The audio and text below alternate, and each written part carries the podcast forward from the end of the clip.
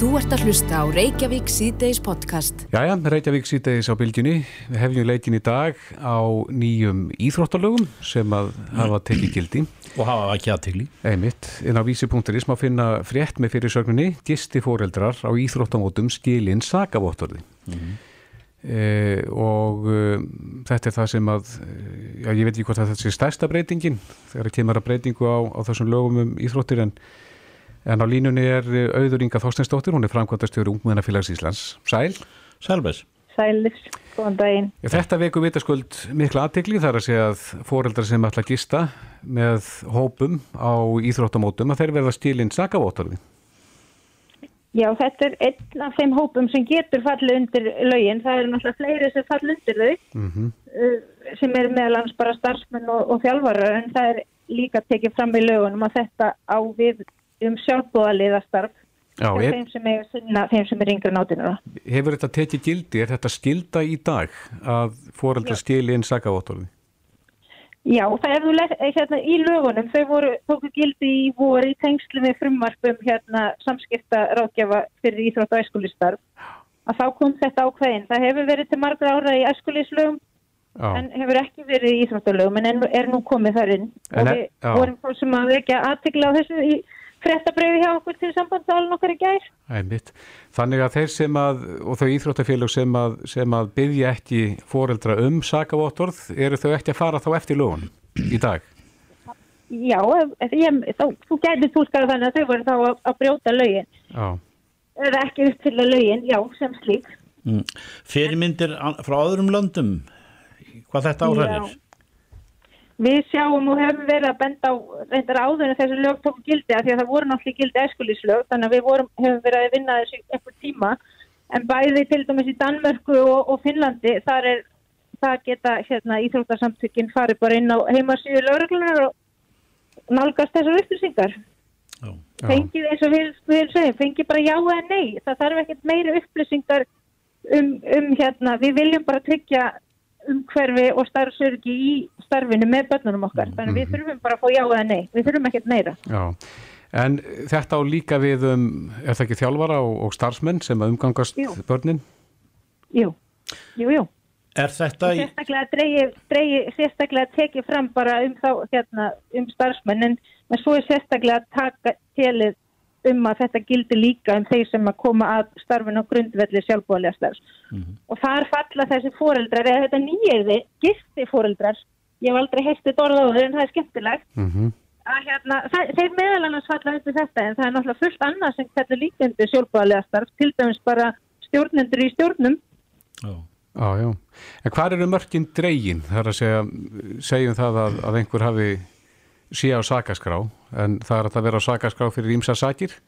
Já, er, þetta er hérna þetta er vegna brota á áfærum í almennum hegningalögum og svo vandandi ávan á fíknefni Já, þannig að þeir, þeir sem er á sakaskrá Það er ákveðnum flokkar þarna hérna, sem þetta hérna, gildir um og, og langt aftur í tíman?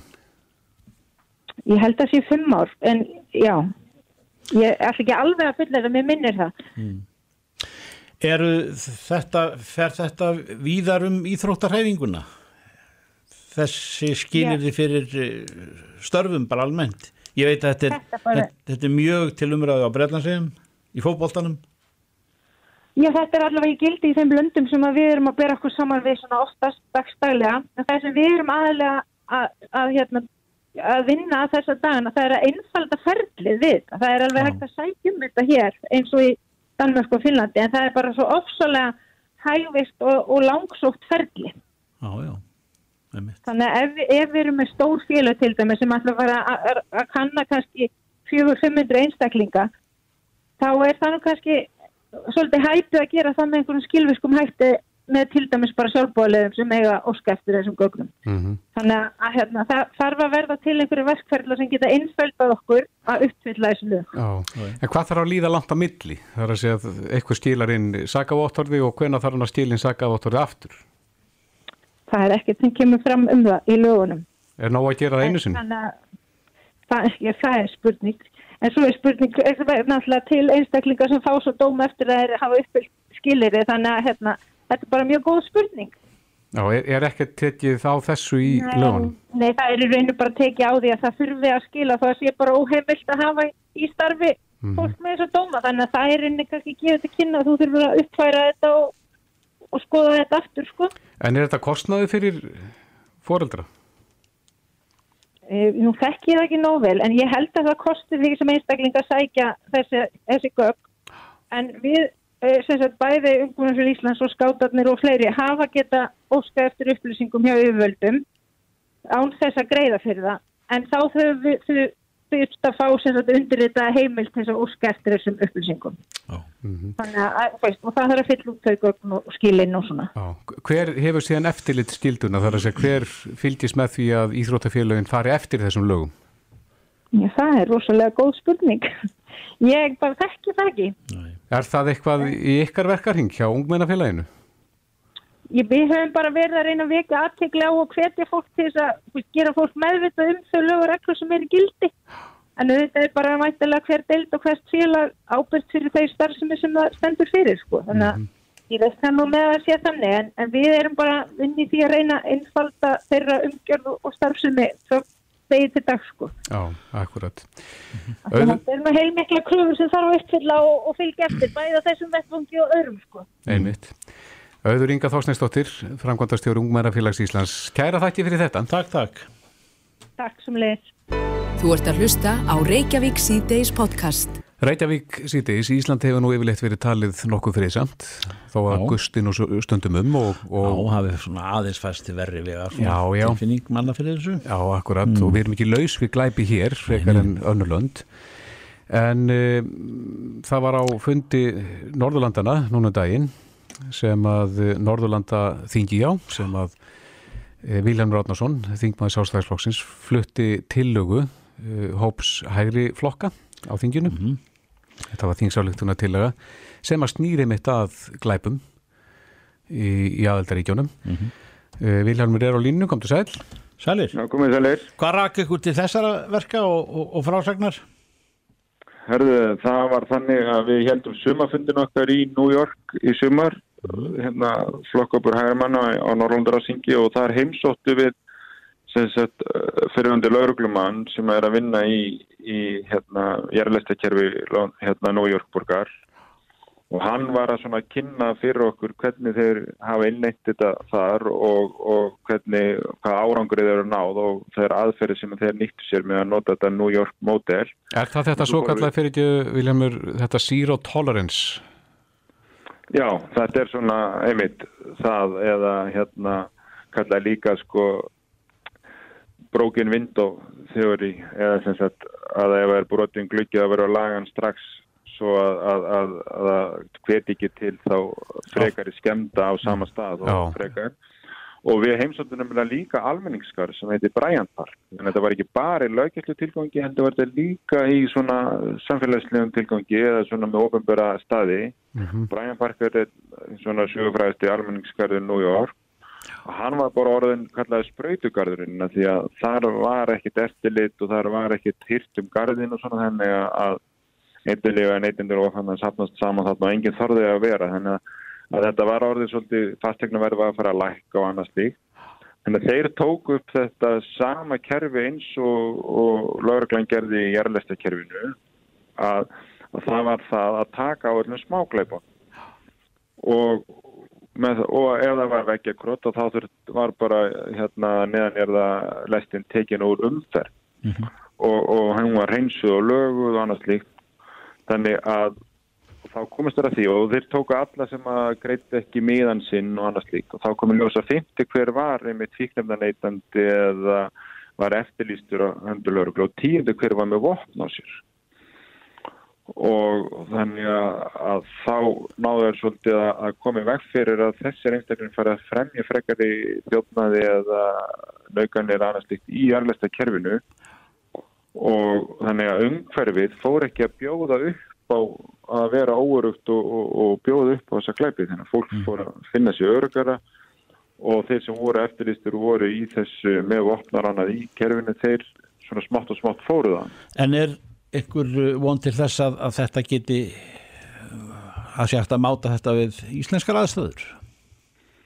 Já, það er tilugan okkar snýst einmitt um það að Norðurlöndin hvert og eitt kynni sér þessa aðferðafræði mm. og, og leggja mata það hvernig við getum nýtt þetta hér á Norðurlöndin, hvað getum við lært af þessu og hvernig getum við heimfært þetta á okkar aðstæð. Já. Að því að svim Norrlöndinu og til dæmis sænskars rannsóknir sína það að tröst til stjórnvalda og, og svona öryggist tilfengisfólks fer dvínandi. Mm og, og það er það hættulegast að líðræðin ef að það gerist mm -hmm. en það er mikið undir að við tryggjum borgarlegt öryggi og öryggistilfinningu mm. til þess að við lifum eins og líðræðis samfélagi sem við viljum gera hér á Norrlandi sem er kynnti Norrlandan Hvað, hvað viltu segja um eh, sterk fjölskyldu tengsli eða svona eh, þegar maður kannski hugsa til Norðurlandana þá sé þetta meira já, ekki, ekki stórborgar yfirbræð nema hluta þjóðarinnar hér? Já, ég mynd sko þetta er náttúrulega stórborgar aðgerð sem að þarna að farið í en mm. þarna erum við að, að tala um sem við þetta er áeiglega þetta er sama að við erum alltaf að tala um hér í málefnum barna og líðhelsum málamanna svo ekki í hlutum leiðu okkar byrjar að fóra úr skeiðs þá skulum við stakka inn í og laga það áður en að, eitthvað, áður en vandamáli stakkar mm -hmm. Þannig að, að, að við sjáum þetta alveg að leið og er kannski brotin einrúða í, í húsi og ef hún er ekki lög og þá sýnir það að hugsa enginn um húsi þannig að þá eru heina rúðarna brotnar og svo endan verður búið að mála húsi utan á að verður farið inn í húsið og, og það fer að vera einhver ósamlega starfsemi í húsnaðinu af því að það er einhverja lengi sem hyrðir um það. Sko. Einn brotin, ein brotin rúða kallar á aðra brotna. Akkurat. Ah, mm. En ég man að ég las svolítið um þetta á sínu tíma og þá var þetta að kalla Zero Tolerance Policy í, í New York þar sem þið fórið mitt í smáglæpina í neðanjörðarlesta kerfunum e, og það var til þess að, að alvarlegum glæpum fækkaði. En, en færðust þeir bara til þar að segja e, snýri menn af glæpabrautinni eða, eða færðust þeir bara til og annað? Uh, nei, það, það, það síndi sig að, að það var nefnilega var það komi ljós að samhliða þessu þá tókuður upp líka sem heitir Comstat sem er svona, svona tölfræði kerfi sem að þeir fóra að sapna öllum upplýsingum um tilkynntaklæpi ekki um rannsakaða eða ákerur heldur tilkynntaklæpi mm -hmm.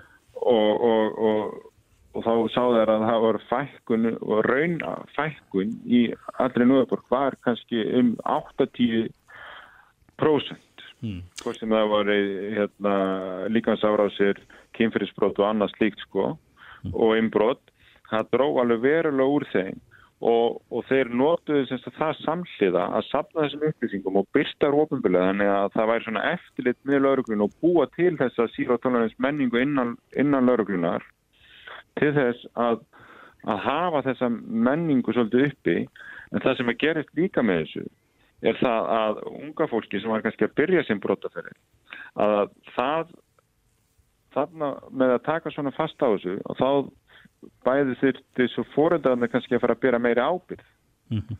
og, og, og það var hækkar fjársektinnar og þennig samsliða þessu og refsingarna voru þýndar sem ég kannski almennt ekki sáttu með en, þarna, en þetta var þarna til þess að sína það að smáklæpur kostar peninga og hann er hann er meira heldur en bara smáklæp hefur afleðingar ábyrra tilfinningin var aukin meðal foreldra og ungs fólks. Er þessi, að... er þessi aðferðafræði rómuðum víða veröld eða, eða nær hún með ánga sína til listu heimsfólna þetta er svo já, já, já, ég held að ég þekki ekki alveg hvaða lönda en ég veit um fleiri borgir Chicago borg og fleiri hafa tekið þetta upp og unnið eftir þessu í bandaríkjónum og, og, og hérna en, en ég man ekki eftir alveg nákvæmlega hvaða lönd fleira hafa verið að horfa til þessa sko. Nei, en við viljum reyna að, að, að Norðurlöndin veki aðtekli á þessu og, og ég veit að, að til dæmis bæði Malmö og Stokkólmi og fleiri stöðum í Svíð hefur verið hafa lauruglumenn og fólk frá Bræanpark komið og kynnt þess aðferðafræðu og þeim árangur sem þau hafa náð mm -hmm. og þessi lauruglumadur sem kynnti þetta frá okkur fyrirhundur laurugluma, hann, hann sagðist ekki finna sér öryggan í, í Svíþjóð við værum hann sagði við værum svona værukær af því að við værum bara svo heiðarlega og fín inn á Norrlöndunum að við værum það kannski frekar væri kæra með það. Já. E, nú er samflókskona þín dónsmálar á þeirra. Verður þetta ekki auðsátt fyrir það að, að koma, að koma þessi hennar eiru í það minnsta og kynna þetta fyrir henni? Jú, ég, ég vænti þess og, og, og hef gert það örlítið nú þegar en og mun, mun halda áfram og nú mun Norrlandar á því að það tekur þetta náttúrulega fyrir, senda þetta svo formulega til allra ríkistjórnana og mun ræða þetta núna á næstu mánuðum innan, innan Norrlandar ás. Þannig að það mun bæði að fara í formulegan og formulegan fyrir. Eitt eh, svona, ég veit ekki um þetta en, en eh, til þess er, er ég nú að tala við þig að, að draga það fram eh, hér á Íslandi segiru, gæti þetta verið vel notæft og, og, og þú færst rauk fyrir því og, og, dæmið sanna það en, en það eða sá þáttur í glæpum nútímans sem er kannski ofarlega í flestum ger ég ráð fyrir er dópið. Og, og svona hispusleysi uh, í allum þeim útvegi. Hva, hva, hvað þetta, þetta nær til að sjálfsögðu til uh, þess háttar glæpa? Já og það er nefnilega, það er kannski nefnilega getur verið það að ef við sinnum smáglæpnum sem er kannski einhver smá inbróti eða skemmtaverk að það getur kannski verið fyrstu merkjum það að viðkomandi hérna sé að villast af leið. Já. Þannig að þá er þetta að grípa inn í félagslegar aðstæður eða það umhverfi sem viðkomandi er í strax út á smáglæpnum, staðan fyrir að býja þannig frem í stórglæpnum og þá taka á vandamáli. einmitt, Þannig að þetta er þessi snemntaka íhlutun og þess vegna passar þetta held ég svo vel við hér hjá okkur. Og, og þannig að við séum svolítið að, að reyna að leysa vandamálið á fyrsta stíð staðan fyrir að býða eftir að vandamálið komið upp á þriðastíð og, og eru miklu dýrara og, og verra fyrir alla Mm að leysa málið sérstaklega fyrir þann sem lendir í þessu. Já. og sumir haldaði fram að þessu sé að þegar þetta hafi verið sko gert gegn einhverja ákveðnum samfélagshópum eða eitthvað svo leiðis en það er ekki, þetta var bara almennt. Og sama gekk yfir alla og, og, og þannig að, að þetta var almenn aðgerð en hún var ekki, veist, og þetta var allstað, þetta var ekki bara einhverja einstakar stöðum eða nei. þannig að einmitt Vilhelmur Átnarsson, þingmaður, uh, kæra þakki fyrir þetta. Herru, takk sem leiðis Reykjavík síðdeis á Bilginni podcast.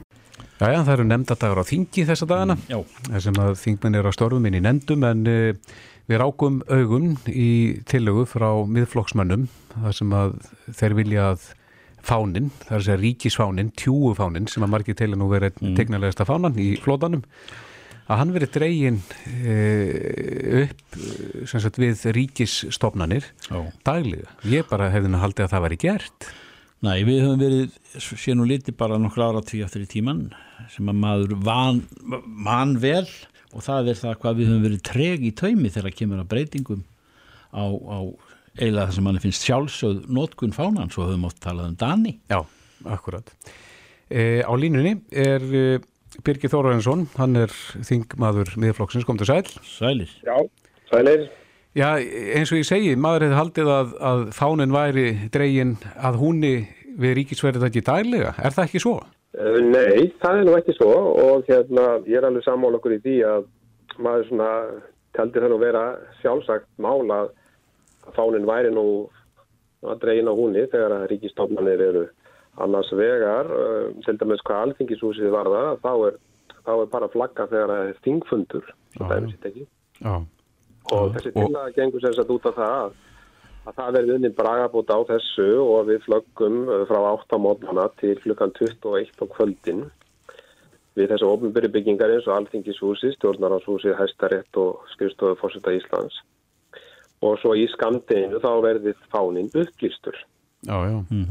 Já, þannig að hann fái að, að eh, flagga lengur heldur en lögdýrar á fyrir í dag. Já, og alla daga, það er það sem að tillagan gengur líka út á. Ég veit ekki hvort að þú manst eftir þessari áköfu umræðu um, um nótkun fánlands hér í eina tíð en, en, en eh, því þú þangum aður en, en eh, nú er bara allt annað fólk á, á, á hérna þingi þegar þú hefur upp raustinn og, og, dregur hán, fánan ekki bara húni heldur bara fram í dagsljósið. Heldur þú að það sé þetta sé yngra fólki mikið í mun eða Já, ég hef bara fengið mjög góð viðbröð við Já. þessari tillögu og einni frá ungu fólki, þetta er skátana sem dæmi Íþrótta og Olimpíusambands Ísland og uh, já, ég hef mjög á tilfinningun að fólk vilji eins og dæmis við þessar byggingar, þessar mikilvægu byggingar að, að fánin sjáist meira og eins og ef við bara tökum stjórnararshúsi sem dæmi að þá er þetta falli bygging og núna í skamdeginu falli þetta að sjá hana upplýsta. Þegar menn horfa á hana svona til þess bara um helgar að þá er engin fáni og það er svona eins og vant eitthvað á bygginguna þegar að vantar fánan. Mhm. Uh, það er eins og ég segi þessi tillægu fengi bara góð, uh, góð viðbröð Íslandsstofa til dæmis er uh, fylgjandi þessu frumvarpi segir það að notkun þjóðfánan styrki okkar ímynd og, uh, og fallin, til þess fallin að efla þjóðarvitund segja þeir í umsöksinni um frumvarpi Mhm. En hvað segir við þá sem að telja þetta bara vera þjóðurembu? Ég, ég gef nú lítið fyrir, fyrir það. Þetta er nú bara víða erlendi sem að fánin er á þessum stjórnaráðsbyggingum alla daga og, og sjáum nú ekki með bandaríkjumenn sem eru náttúrulega mjög mikið fyrir að flagga sínum fána þá er þetta á öllum, öllum stjórnarbyggingum þar allan sólarengin. Ég hef nú verið að tala um til klukkan 21 að kvöldi. En við höfum líka heyrt fólk kvarta undan of stífum reglum þegar það kemur að því að flagga bara við heimahús að fólk vil geta flaggað og jafnvel haft fánan vel upplýstan í, í myrkri og það sé engi skömm að því. Já, ég tek að mörguleitu undir þá. Það verður kannski bara næsta skrefið að- að að rýnka reglur fyrir einstaklinga, sérstaklega í skamdeginu. Íslenski fánin okkar er fallegur og ekki, ekki síður fallegur þegar hann er upplýstur. Hver hver er framgangur frumvarpsins? Kemur þetta til á þessu þingi? Já, uh, sko því miður, þetta var nú, þetta frumvarp er endurflutt núna, það var flutt á síðasta þingi og það var líka svona hugsa svolítið til amælisins að við myndum svona breyta þessu reglum á amælis árinu, en það gekk því miður ekki eftir og það er sem sagt endurflutt núna og, og ég er svona að finna, finna, finna fyrir meiri stuðningi meðal þingmanna og mynd svona, já, svolítið vonið við það að þetta náu nú fram að ganga. Mm Þeir miðflokksmenn eru mjög þjóðlegir í ykkar tillögum. Er það ekki rétt að þið læti líka til að, að það verið meira gert úr 1. desember?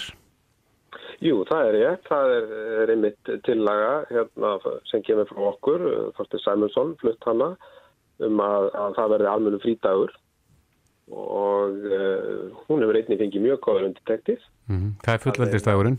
Það er fullöldistagurinn og, og, og, og, og raun og veru stærri dagur, þetta er kannski 17. júni, uh, ef við horfum á það þannig. Já. Og er það í sama farvegi? Flutt í fyrra, hlaut ekki fr- framgang? Það er rétt, það er sama farvegi. Já. Rétt aðeins í lokin, eh, talandum tillögur, þú ert með fyrirspurn til fjármálar á þeirra varðandi byggingu nýra höfustöða landsbankans. Hvað viltu fá að vita varðandi þá byggingu? Já, ég hérna, lagði nú þessa fyrirspöld fram fyrir rúmum sjö mánuðum síðan og uh, henni var aldrei svarað þess vegna þurfti ég að leggja hana fram aftur núna og ég er með þetta spurningar einum 11 liðum þannig að, þannig að uh, þetta er nú svona stórt og mikið mála mínum mínum aðri vegna þess að að þarna er verið að ráðast í mjög kostnaðarsama framkvæmt og dýrri lóð. Uh, ykkur 17.000 tverrmetra nýbygging höfustöða landsbókans á bestu lóðu landsins.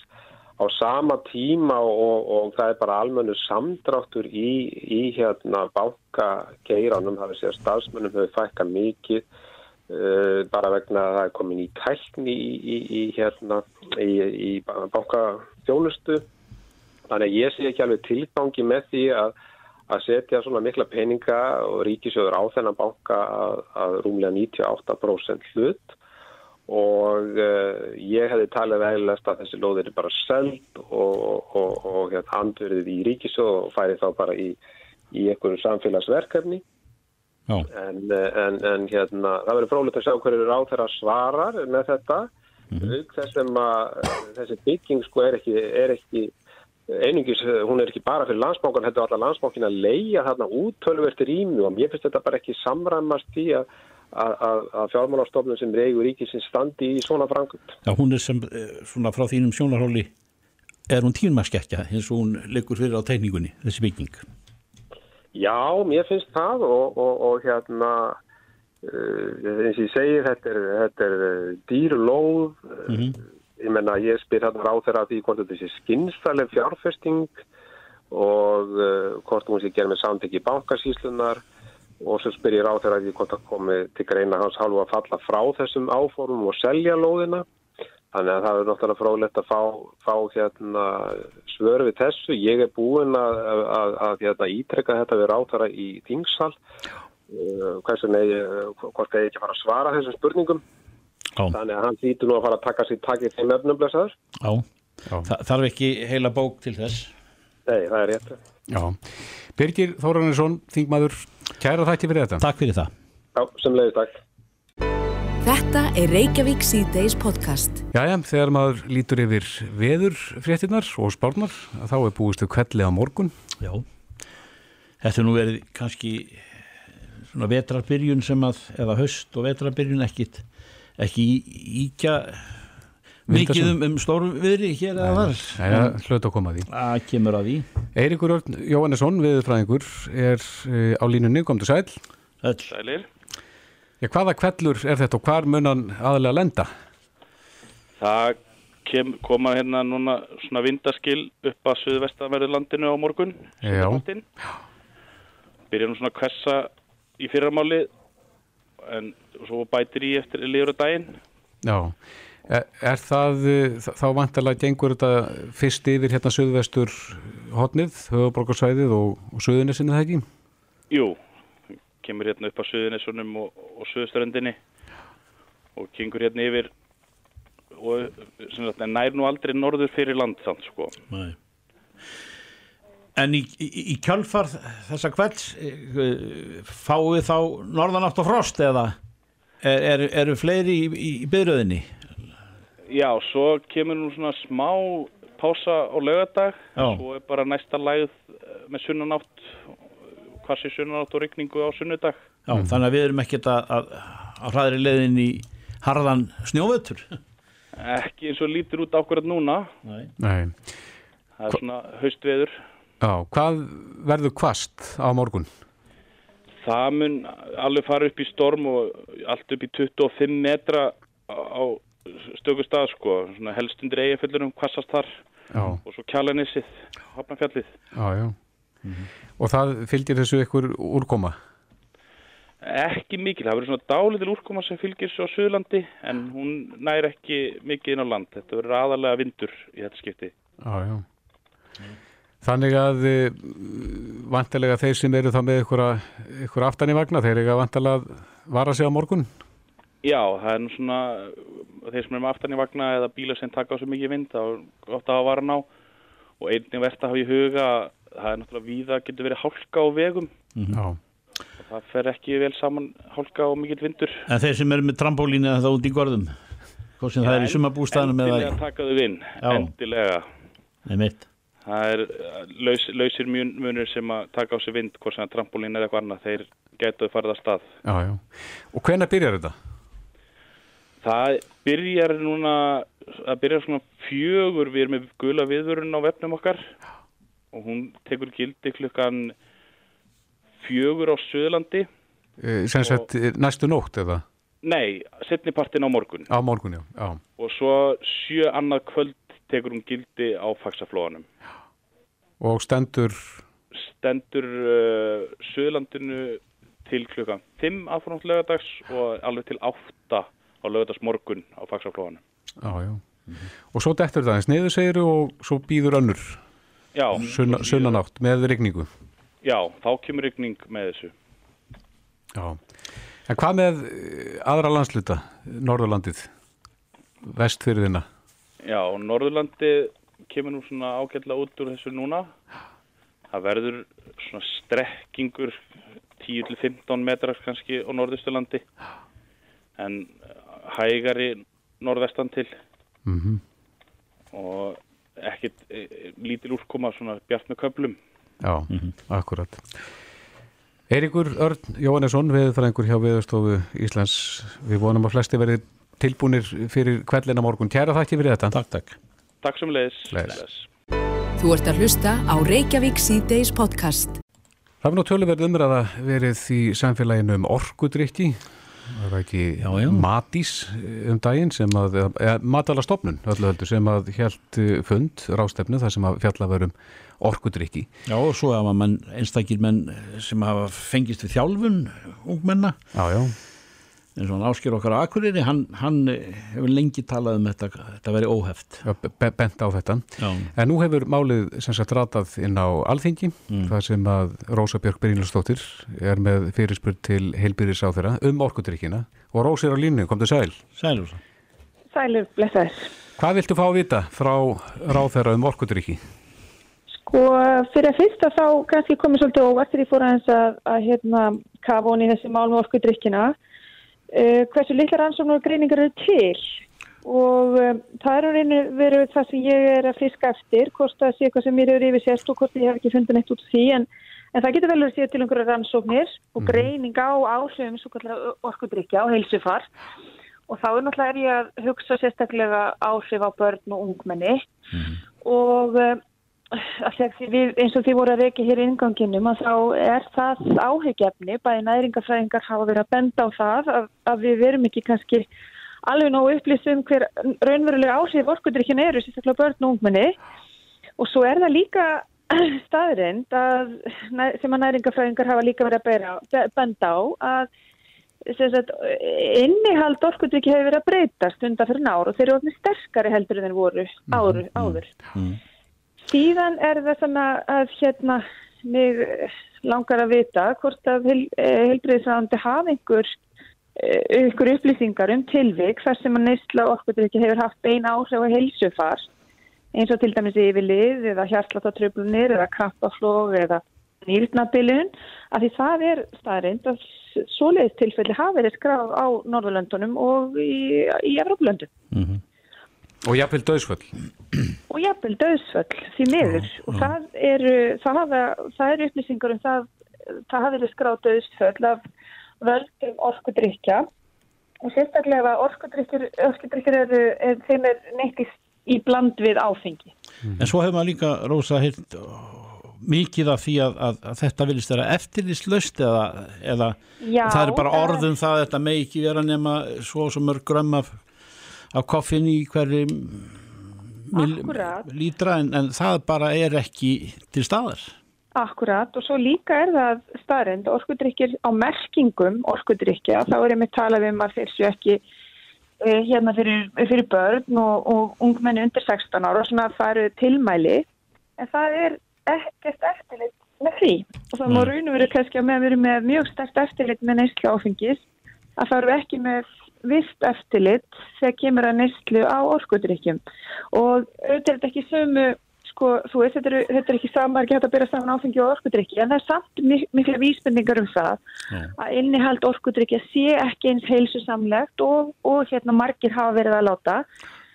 Og til að mynda hafa næringafræði verið að benda það að þeirra verið að, að hérna, tala um orkudrykki sem andra og heilsu og, og þjálfun og svo framvegis, þá er það kannski bara alls ekki raunin. Nei. Þetta Er það þín skoðun að, að embætti landlæknis mætti koma kannski aðeins sterkar inn í, þegar það kemur af orkudrykkjum? Algjörlega, um, það voru, það hafa, eins og ég segi, það hafa litla rannsóknir og greiningar verið gerðar að hálfu landlæknis og þarna mætti ennbættið koma og, og hérna svona stíga, stíga sterkar niður fæti. Það var að vísu grein sem byrtist á vef landlæknis ennbættisins um orkudrykki núna í júni síðastliðin, en ég held að getur verið komið, komið svolítið sterkari tilmæli fram frá ennbættinu. Já. Hvernig áttu von á svörum? E, þau eiga að koma 15 dögum eftir að fyrirspurnin er byrt, þannig að það bara, ég vonast til að Já, það við styttist í það. svör. Það styttist í það og ég held að við þurfum líka bara að dýfka þessu umræðu og taka þetta svolítið fastari tökum heldur en við höfum gert. Mm Af því að, að hérna, og eins og þið voru að reyka inn í ykkar ingangi, að það náttúrulega er þetta eitthvað sem að við erum að ræða meira um en áður og sala orkudrykkjum hefur sko farið upp úr öllu valdi en á sama tíma höfum við ekkert kannski eins í miklu mæli verið að spá innihaldi og áhrif þess á og börn ungmenni sérstaklega. Einmitt. Rósa Björk Brynjarsdóttir, þínkona, við fylgjum með svörunu þegar þau berast. Kæra þakki fyrir þetta. Takk sem leiðis. Bless, bless. Sem leiðis. Hlustaðu hvena sem er á Reykjavík C-Days podcast. Jæja, herru, kíkjum aðeins á Daskar á stöðvar 2 um helgina. Lóa Pind er á leiðin aftur á skjáin. Velkomin Lóa. Já, takk. Nú voru það þættirnir hvað er best að búa? Einmitt, seria 2. Og þú búin að vera út í heimi að fælast? Já, ég er búin að flækjast um allan heimin. Ég, ég fór bara í lengsta flug sem ég hef nokkuð tíma farið núna Já. um daginn. Hvert var það? Það var til Bali. Svakalega langt að fljúa þanga. Hvaðan er flóið? Eh, ég flög Ísland, Kaupmannahöfn, Kaupmannahöfn Doha Já. í Katar mm. og það er það lengsta sem ég hef komið sko í þess átt, Katar. Já. En svo að tíu tíma flug frá Katar til það. Bali. Já, já. Bara... Hvað var þetta langt flug í heldina? Þetta voru 20 tímar á flugi. Plus náttúrulega byðin og það Það tekir tími í það að lenda já, á einhverjum stöðum. Já, já. Það sem best er að búa, ertu búin að finna staðin? E, sko, mín niðurstaða eftir að tala við allt þetta fólk er eiginlega fólki líður yfirleitt best bara þar sem það er. Fólk skapa sér umhverfi og aðstæður þar sem að því líður vel. Mm. Ég fyrir kannski eftir að hverju fólk er að leita Já, nákvæmlega og það er nú eitt af því sem ég er að, að mm. skoða í þessu, það er einhvern veginn eftir, að því að þegar fólk rýfur sig upp mm -hmm. og með fjölskyldu, flestir er með fjölskyldu sem ég hitti mm -hmm. uh, þá er það að sækjast eftir einhverju öðru heldur en það hefur hér heima því fæstir eru endilega að flýja Ísland, -hmm. jú, jú, fólk er að sækjast eftir betra veðri, margir mhm. en um, já, það, það er að sækjast eftir svona öðrum takti Erum einhverju þarna í þáttunum sem er alltaf ástina? Um, Eða er þetta allt íslenskt nei, fjölskyldufólk? Nei, þetta er allt íslenskt fjölskyldufólk nema ég gera eina undatekningu mm -hmm. af því að uh, það er ung íslensk kona mm -hmm. sem ég er heitluð af sem býr í Marokko með marokkósku manni mm -hmm. og ég hafði reynd að fá hana í fyrriseríuna sem beturferð tókst það ekki af því að þá áttum bara eina tvíbura mhm. Núna þegar heimsóttana í vor þá átt hún tvennatvíbura. Hún ásennst fjögur börn, þryggjar og yngri. Mm. Og það var náttúrulega hálfu skemmtilegra hérna, myndefni að fá að mynda fjórar undurfagrar, litlar, krútlegar stúlkur, mm hálf marokóskar. En segðu mér, e, e, þegar maður hugsa þetta hvað er best að búa og maður hugsa þá til þessara hugsana sem maður hefur e, fengið þegar að manns nánust að hafa tekið sér upp og, og er yngstar annars þar mm -hmm. og þá er það félagslegt öryggi Já. og kannski ekki með veru börn. Er, er það ekki atriði? Jú, algjörlega. Auðvitað er það allt annað og flóknara fyrir barnafjölskyldur að flytja yfir hálfan hnöttin þegar mm. allar, til og meins ömmur og afar búa kannski á mm. Íslandi. Mm. Þú hefur ekki sama bakland, þú hefur ekki sama öryggisnett og þú ert gerðnan þá ekki í kerfi eins og okkar skandinaviska kerfi þar sem Nei. að þú hefur allskins réttindin í uh, heilbyrðiskerfi og svo framvegis. Þetta er vissulega flóknara. Mm. En yfir hverju hvarta fólk helst hér? Háttmátaverð? E, Egu að segja, já, veðrið og verðið. Já. Það er eiginlega... Verð og veður. Já, það er pínuð þannig. Já, en e, þú skoðar þessa þætti þarna úti? Já, já, þegar fólki sé að komi í þessar aðstæðu það sem er betra veður og skapleira verð e, e, algjörlega og hérna ég fer alveg það, svoleiðis praktískar upplýsingar koma alveg fram, ég er samt meira að leita svona andanum í tilveru fólks mm. reyna að átta mig á því hvað hvað gleði það, hvað, hvernig bara tilverðan er samansett, hvernig hverstagurinn er samansettur, mm -hmm. af því ég hérna, þetta er náttúrulega yfirleitt þetta er svona fantasi á hausnum ánum á manni þegar maður er að láta sér dreyma að flytja ykkur annað. Mm -hmm. og maður sér sig, fyrir sér einhvern veginn teiplandi berfættan á paradísastrandi þú veist, hvítum svífandi hörkjóli eða eitthvað. Áhyggjulegs áhyggjulegs og mm. já, en mm -hmm. auðvitað er þetta ekki tannig, ég meina fólk er bara líka að þú veist, smyrja næsti og hverstagurinn og, og kera krakkana í fókbóltan og, og þetta allt saman. Uh, Er brauðstriti alls það reyns? Uh, já, nei, og svo getur brauðstriti verið mjög flókið, til dæmis í fyrsta þætti sem er á sunnudaginn. Uh, þar er fjöguramanna Íslensk kjarnafjölskylda sem ákvaða að taka sig upp úr hérna smáibúða hverfunu og flutti uh, til Costa Rica mm. sem er svona hitabeltis paradís, mm -hmm. guðdómlegt land í Mið-Ameríku mm -hmm. um, en þau meði ekki vinnaðar. Þannig að það flækir að sjálfsögðu dálítið tekiöflunina Hvað Og- gerir fólk þá? Já, þá, hann hefur verið að vinna aðeins sem farastjóri þannig að hann hefur þurft að, þar sé að farastjóri fyrir íslenska hópa, þannig að hann hefur þurft að vera að fara í langar ferðir frá fjölskyldinu í Kosta Ríka til þess að gæta út í heimi. En á meðan við vorum þarna og allan tíman síðan þá uh, eru þau að leita leiða til þess að afla tekna á staðnum þannig að þau getu öll verið þarna saman og það, það er bara allt undir. Þau eru, þau eru voru að spá í að, að kaupa fasteig til þess að leiða til ferðamanna. Þau voru að spá í að kaupa svona churrosvagn. Vitið hvað churros er? Það er um hlaupavagn? Nei, það er svona sölu, söluvagn sem að það sem getur djúbsteikt guðdómlegt spænst svona spænskan eftir þetta, svona vöflur Mm. langa vöflur, sjúklega góðar uh, já, þannig að það getur bara verið flókið náttúrulega að afla tekna í nýju landi þar sem þú hefur ekki allir réttindi sem þú hefur hér á Íslandi En hver er tenging þeirra við Kosta Ríka? Engin. Af hverju eru þau svona ákveðin að vera þarna? Já, þau bara er flókin. þau hnutum YouTube-vídeó Já, já. og heitluðust Já, já. En er Kosta Ríka paradís? Já, sko eins og hún er auglýst þetta er gullfall ég, reynd, ég reyndar hef smá tengingu í Kosta Ríka ég var eins og þar í tvo halva mánuð og þetta er eitthvað tvegursta land sem ég hef komið til og hérna umhverfisvænt herrlaust uh, friðsælt miða við þetta svæði þar sem hefur verið hérna ansið mikið óöld til dæmis bara í nágrannlandinu Nicaragua það er það ekki í Kosta Ríka þannig að þetta er svona friðsælt sífilisera land á þessu svæði. Mhm. mæli klárlega með því. Þú mælir heldur að menn farið ángað eftir að hafa séð þáttiðin? Ég, hljóðmaðurinn, ég satt hjá honum áðan og hann bara, þú veist, hvar, hvar get ég panta já. en svo til dæmis Bali líka Já. sem verður nú fjórði í, í, í þáttaröðinni núna það er algjörlega gorgeous land Þetta kalla margir Bali uh, hérna paradís já, ég er ekki svo því Nei. Hvað er það margir staðir? við fórum til nýju landa Mhm.